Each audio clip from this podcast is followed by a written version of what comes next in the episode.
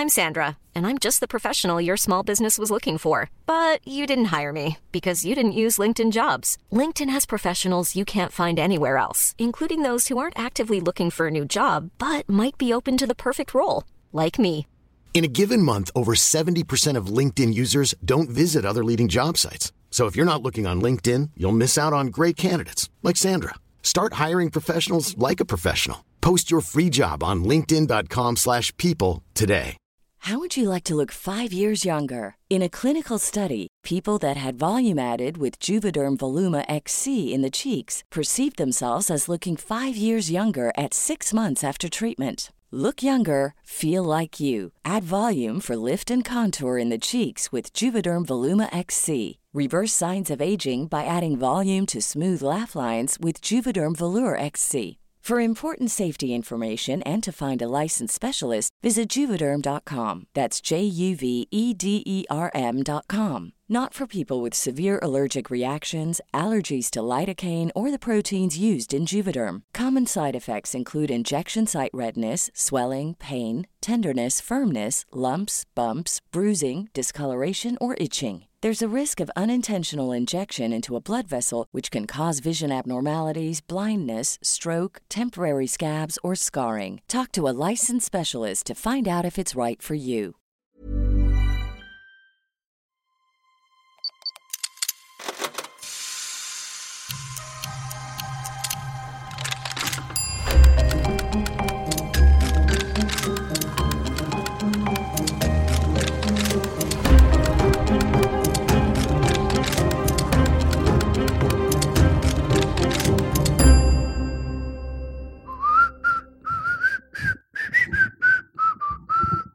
عارف الصفارة بتطلع في السماعة ولا لأ. اسم الحلقة دي أيها المستمع الجميل بيفكرني بحاجة. زمان زمان قوي بقى. نرجع في الزمن كده. كان في قصة بيدرسوها في الصف الخامس الابتدائي اسمها مغامرات في أعماق البحار. وكانت تدور القصة حوالين طفل اسمه أسامة بيتخيل القصص ويعيشها في خياله. وفي القصة المعينة دي أسامة كان بيتخيل إنه صغير بحجم عقلة الصباع ولذلك كان اسمه عقلة الإصبع. وإنه كان بيغامر في أعماق البحر بكل ما فيه من عجائب وغرائب. واحتمال وارد إننا في يوم ننزل مكان أسامة ونتعمق في أعماق البحار. يا سلام! لكن بمناسبة الرحلات يا مستمعي أنا النهاردة عايزك كده تستعد لخوض تجربة فريدة من نوعها للفضاء. هنسيب كوكبنا الجميل ده بكل أزماته المنطقية ونخرق حاجز الأوزون ونناقش الفضاء. مستعد يا مستمعي؟ كوبايتك معاك شاورمتك في إيدك مطوتك في جيبك. يلا ربنا يكرمنا في الحلقة دي بسم الله. عايزين نشغل كده شوية موسيقى تفكرنا بفيلم انترستيلر ويلا بينا. في آخر حلقة من الموسم اللي فات كنا اتكلمنا على النجوم وبرضه كنا جبنا سيرتهم في حلقة لون القمر. الحلقة دي مش قوي عن النجوم إحنا هنتكلم عن حاجة تانية زي ما باين من اسم الحلقة لكن في الأول كده محتاجين كده نراجع نفسنا شوية. حابب أستأذنك كده في الأول يا مستمع لو أنت فاضي يعني تاخد لك جولة في الحلقات دي لو ناسي اللي إحنا كنا بنتكلم فيه. بس في السريع كده للاختصار النجوم عبارة عن أجسام غازية بتدمج الغازات فيما يسمى ال nuclear fusion أو الاندماج النووي. بيتم دمج الغازات واللي بدوره بيطلع طاقة في شكل ضوء وحرارة واللي بيوصل لنا هنا في كوكب الأرض عشان يعطي طاقة لكل العمليات البيولوجية المختلفة اللي بتحصل. لكن ده مش الهدف الوحيد لعملية الاندماج النووي يا مستمعي. ده الكلام الجديد بقى فسيب اللي في إيدك وركز معايا. الاندماج النووي بيعاكس تأثير الجاذبية بتاعة النجوم أيها المستمع الجميل. الجاذبية هي قوة موجودة ما بين الأجسام بتدفع الأجسام لبعض. أنت هنا على كوكب الأرض في بينك وبين كوكب الأرض قوة جاذبية بتبقيق على الأرض. لما بيبقى في جسم بحجم النجم كم الكتلة اللي جوه بيخلي قوة الجاذبية مهولة؟ مهولة لدرجة إن لو نجم كده اتساب لوحده الكتلة بتاعته هتخليه ينهار على نفسه.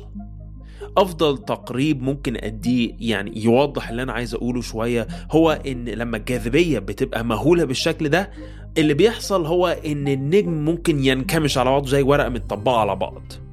أثر الجاذبيه هو زي أثر التطبيق بتاع الورقه طبعا إحنا عارفين إن ده مش بيحصل في العادة بالرغم من إن فيها جاذبية تطبقها على بعض إلا إن ده مش بيحصل. اللي بيمنع بقى النجوم دي إنها تنهار من تأثير الجاذبية هي الطاقة اللي بتطلع من عملية الاندماج النووي. الطاقة دي بتعاكس تأثير الجاذبية واللي بيخلي النجم مستقر ومتزن كده وراسخ في الفضاء. لكن دي مش نهاية القصة يا مستمعي. أي نجم كبير في الكون بتاعنا يا مستمعي بعد عمر طويل بيوصل لمرحلة إنه خلاص بيكتفي من الحياة. يعني النجم من دول يقعد مليارات السنين يحرق غازات ويدي طاقته للكون ولازم يكون له نهاية للأسف. طيب النهاية بتاعت النجوم دي بتبقى عاملة إزاي؟ هل كده النجم فجأة كده بيتبخر؟ وخلاص؟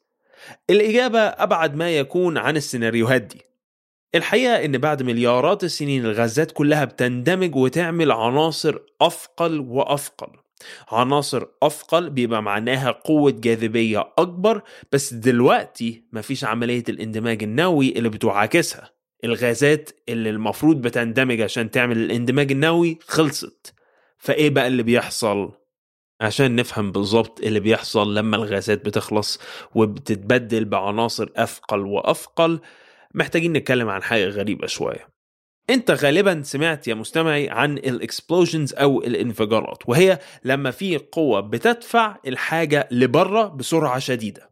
عشان أعرف أفهمك أكتر عايزك كده تتخيل معايا قنبلة ال grenade اللي أنت بتشوفها في الأفلام. عارفها انت دي صح؟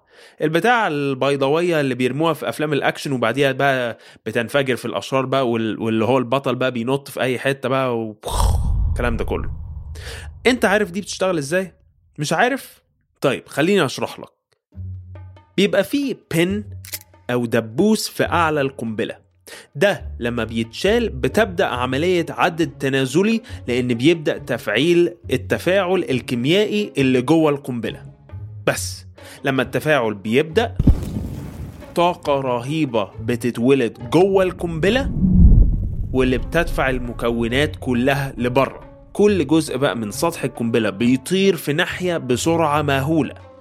وده يا مستمعي الانفجار أو الإكسبلوجن. وعادة مش بنتعب في شرح ده. لكن في نوع انفجار آخر وهو اللي يهمنا في الحلقة دي. ال implosion أو الانفجار الداخلي. طيب ال implosions دي أحسن طريقة أقدر أشرحها هو إنها عكس ال explosions. بدل ما الحاجة بتطرد لبرة كل حاجة بتضغط على بعض لدرجه إنها بتعمل انفجار.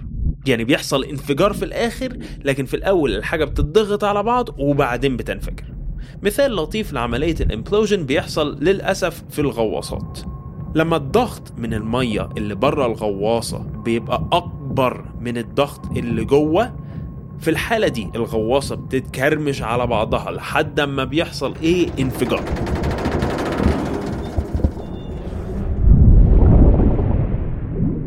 ده implosion.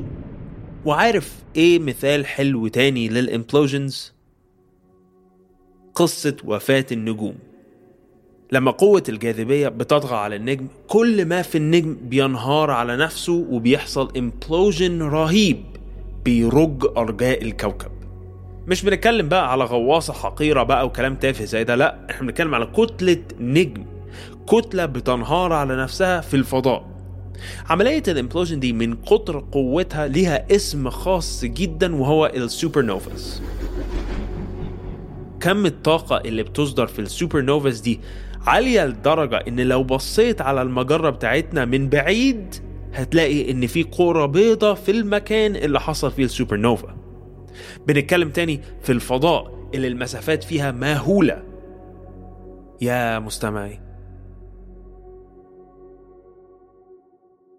فتاني عندك في الأول نجم عايش حياته بيعمل اندماج نووي. بعد فترة الغازات بتخلص والجاذبية بتغلب قوة الاندماج النووي أو الطاقة اللي طالعة من الاندماج النووي فبيحصل implosion النجم بكل كتلته بينهار على نفسه ثم ينفجر فيما يسمى السوبر نوفا يا يا مستمعي أما قصة عبرة بصحيح. دقيقة ممكن نقف يا جماعة؟ ممكن نقف 50 دقيقة حداد على روح النجم اللي كان معانا في الحلقة دي؟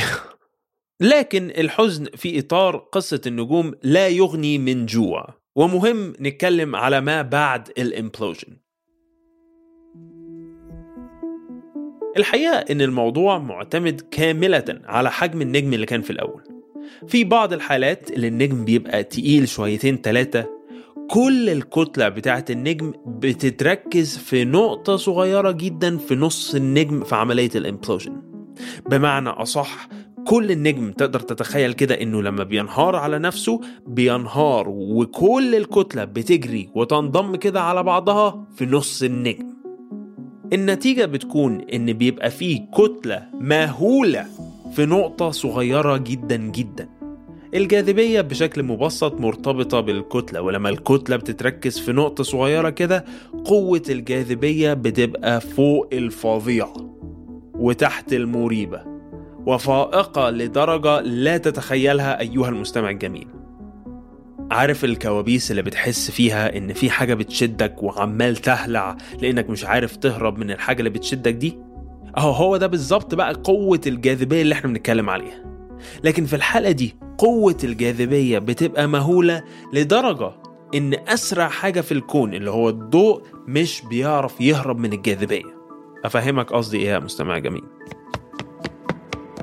دلوقتي لو في حاجة بتشدك وانت بتجري منها هتعرف تهرب. مش كده؟ الفكرة بقى إن كل ما الحاجة اللي بتشدك دي بقت أقوى كل ما أنت هتحتاج تجري أسرع وأسرع. أسرع حاجة في الكون المتواضع بتاعنا ده هو الضوء.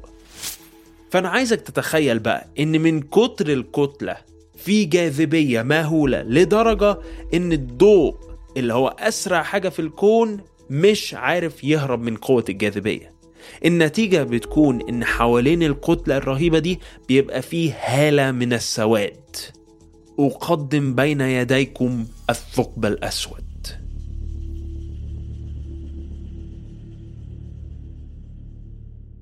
أنا الحلقة دي يا مستمعي مش واخد بريك خالص لأن الكلام حلو والقصة ملهمة وحاسس إننا بنتعلم جامد النهاردة. أكتر من العادي الحلقة تقيلة والكلام كتير فخد راحتك خالص كده وخلي المادة كده تدخل علمك كده بكل أريحية. اعذرني بقى إن أنا ما لمحتلكش لما اتكلمت عن الجاذبية المهولة وما جبتش في سيرتك لما اتكلمت عن النجوم اللي بتضيء الكون والكلام ده كله. هي إحنا عندنا حلقة وفي أولويات ومصاريف إنتاج وفيلم. يا مستمعي مش وقت هزار خالص. طيب الثقوب السوداء. الثقوب السوداء هي عبارة عن نجوم ماتت والكتلة بتاعتها تمركزت في نقطة مما نتج عنه مساحة الجاذبية فيها مهولة لدرجة إن الضوء مش بيعرف يهرب منها. بس أنا عارفك يا مستمعي ولا مهتم بالضوء ولا بالجاذبية وبتاع. أنت من أول ما أنا قلت كلمة ثقوب سوداء ومخك راح للنجم الأمريكي القدير ماثيو ماكونهي وفيلم Interstellar عمال انت دلوقتي تفكر في إزاي هو دخل جوه الثقب الأسود وراح شاف بنته والكلام الجميل ده. فخليني أقول لك اللي فيها واللي عليها من حيث ما يقع بداخل الثقب الأسود. انت يا مستمعي مش ماثيو ماكونهي وخلينا نبقى واقعيين. الواد ده ما يجيش جنبك حاجة أصلا. لكن ده لا يمنع إن غالبا تجربتك في الوقوع في الثقوب السوداء هتبقى مختلفة تماما عن اللي شفته في انترستيلر اولا قوة الجاذبية المهولة بتاعت الثقوب السوداء بتزيد كل ما أنت بتقرب لنص الثقب للنقطة اللي قلنا فيها كل الكتلة متركزة. فعايزك تتخيل إنك بتقع في الثقب الأسود ورجليك هي اللي أقرب لنص الثقب عن راسك. متخيل يا مستمع ولا مش عارف تتخيل؟ بقول لك يعني أنت إيه؟ أنت بتقع في ثقب أسود رجليك سابقاك في الوقوع وفي الدوامة الضلمة اللي بتشدك دي. انت من اول ما انت وقعت كده مستمعي في حقل الجاذبية المهولة دي انت كده كده يعني كل سنة وانت طيب مبدئيا يعني. GG و hard luck وغدا ألقاك بقى بإذن واحد أحد. لكن إيه اللي هيحصل؟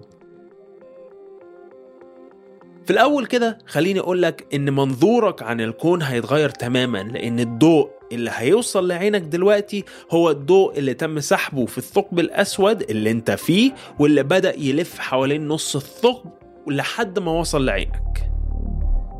أنا عشان أخدك في جولة في ميكانيكة الضوء محتاج موسم لوحده لكن يكفي إني أقولك دلوقتي إنك مش هتشوف بره الثقب. بس هتشوف الضوء اللي اتسحب من الكون واتدمر من تأثير الجاذبية. فالمنظر اللي انت هتكون شايفه هيبقى حاجة مختلفة تماما عن اللي حواليك. لكن يا ريت الموضوع كله مشاكل في النظر. المشكلة الأكبر هي في تأثير الجاذبية عليك. نظرا لأن رجليك أقرب لنص الثقب فقوة الجاذبية أقوى على رجليك من راسك. والنتيجة بتكون إن رجليك بتتشد أكتر من راسك لنص الثقب. الفرق في قوى الجاذبية ده بيخلق حاجة اسمها tidal forces. طيب دلوقتي رجليك بتتشد أكتر من راسك إيه اللي هيحصل؟ هتتمدى مستمعي. ومش قصدي هنا بقى تتمد اللي هي بتاعت التربية دي لأ خالص إحنا مالناش إحنا في الكلام ده. أنت حرفيا جسمك هيمتد. هتتعرض لقوة فائقة تمط رجليك وكل ما تقرب لنص الثقب كل ما المد هيزيد ويزيد ويزيد. انت عمال تمتد وتمتد.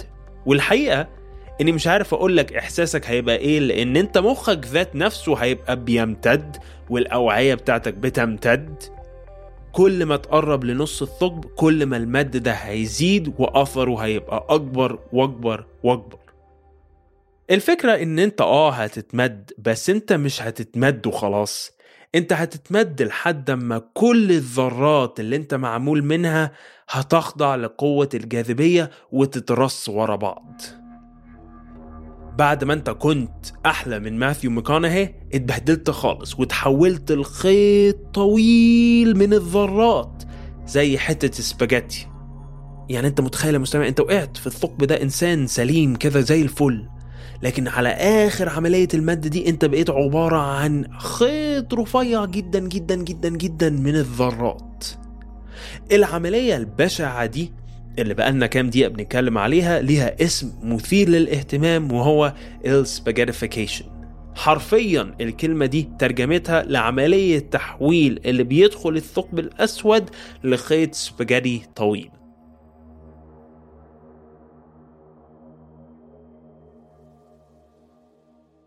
أنا عارف أنا عارف إن أنت دلوقتي عندك شكوك في مقدمك اللي سايب العلم وعمال يتكلم في الكربوهيدرات والمكرونة لكن الحقيقة إن هو ده الاسم العلمي بتاعها. اقفش في أي فيزيائي وقول له كده كلمة سباجيتيفيكيشن وهتلاقي عينه ضلمت بكل المعلومات اللي في الحلقة دي. خليني برضو أمسك في نفسي وأقول لك إن الكلام ده كله نظري. ده كلام نظريا اللي المفروض يحصل مش اللي واقعيا هيحصل. يعني اللي إحنا قلناه ده من حيث اللي عارفينه ونعرف نتنبأ بيه بالمعادلات وبفهمنا للفيزياء المتعلقة بالثقوب السوداء. لكن لحد اللحظة دي مفيش حد دخل جوه ثقب أسود عشان نعرف لو التنبؤات دي صح. وحتى لو أرسلنا إنسان غالبا مش هيرجع لنا عشان يحكي لنا. طيب ليه مثلا ما نرسلش روبوت أو حاجة لأقرب ثقب أسود؟ سؤال جميل بس أقرب ثقب أسود بعيد جدا عننا. وده بالإضافة لأن أي حاجة هنرسلها جوه الثقب الأسود مش هتعرف تبعت لنا إشارات. عشان نعرف إيه اللي حصل لأن الإشارات برضو هتتسحب من جاذبية الثقب الأسود. فزي ما قلت ما بداخل الثقب الأسود لا يزال نظري. الوقت سرقنا آه كالعادة. أيها المستمع الجميل مع كلامنا الكبير والعميق عن الثقوب السوداء اللي بتلتهم الكون بجاذبيتها المهولة اللي حتى الضوء أسرع حاجة في الكون مش بيعرف يهرب منها. خلونا نراجع مع بعض اللي إحنا قلناه. عندنا نجوم. النجوم دي عمالة تحرق في غازات عشان تطلع الطاقة والطاقة دي بتعاكس تأثير الجاذبية. بعد عمر طويل الغازات بتخلص والجاذبية بتخلي النجم يتطبق على نفسه في عملية ال implosion واللي بينتج عنه سوبر نوفا لو النجم تقيل كفاية الكتلة كلها بتتمركز في نقطة صغيرة جدا جدا جدا والجاذبية بتاعتها بتبقى مهولة. مهولة لدرجة إنها بتعمل هالة من السواد حواليها فيما يسمى الثقب الأسود. أنت لو حصل لك بعد الشر إن أنت وقعت في ثقب أسود اللي إحنا فاهمينه إن قوة الجاذبية هتمد فيك لحد ما تبقى برفع حتة سباجيتي. خيط طويل من الذرات ممتد. هو الكون بتاعنا مبهر وجميل بس أحيانا بنسى إن قد إيه الكون بتاعنا فيه حاجات مرعبة وقد إيه إحنا صغيرين في الكون الجميل ده. وافتكر أيها المستمع الجميل لو أنت سنين من النهاردة في مكان قريب لثقب أسود لسبب ما افتكر كلام مقدمك وامشي الناحية التانية على طول. سيبك من الثقب سيبك من ماثيو ماكونهي وسيبك من فيلم انترستيلر. بس وتصبح على نور هذه الحلقة المرعبة والمهولة والمبهرة من إعداد وتقديم المقدم الثقب الأسود الأثقل في البلاد. يا سلام بحث وتدقيق حقائق من دينا صبري تصميم صوتي بول ألوف ويوسف دوازو تصميم ال graphics بتاعت الثقوب السوداء من أحمد منصور وإشراف تحريري على هذه المهمة الفضائية الكبيرة هبة عفيفي نشوفكم التلات اللي جاي إن شاء الله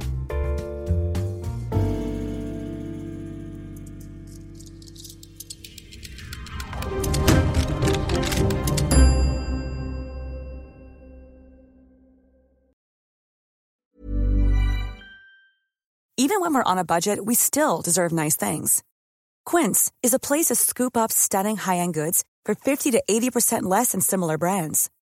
They have buttery soft cashmere sweaters starting at $50, luxurious Italian leather bags, and so much more.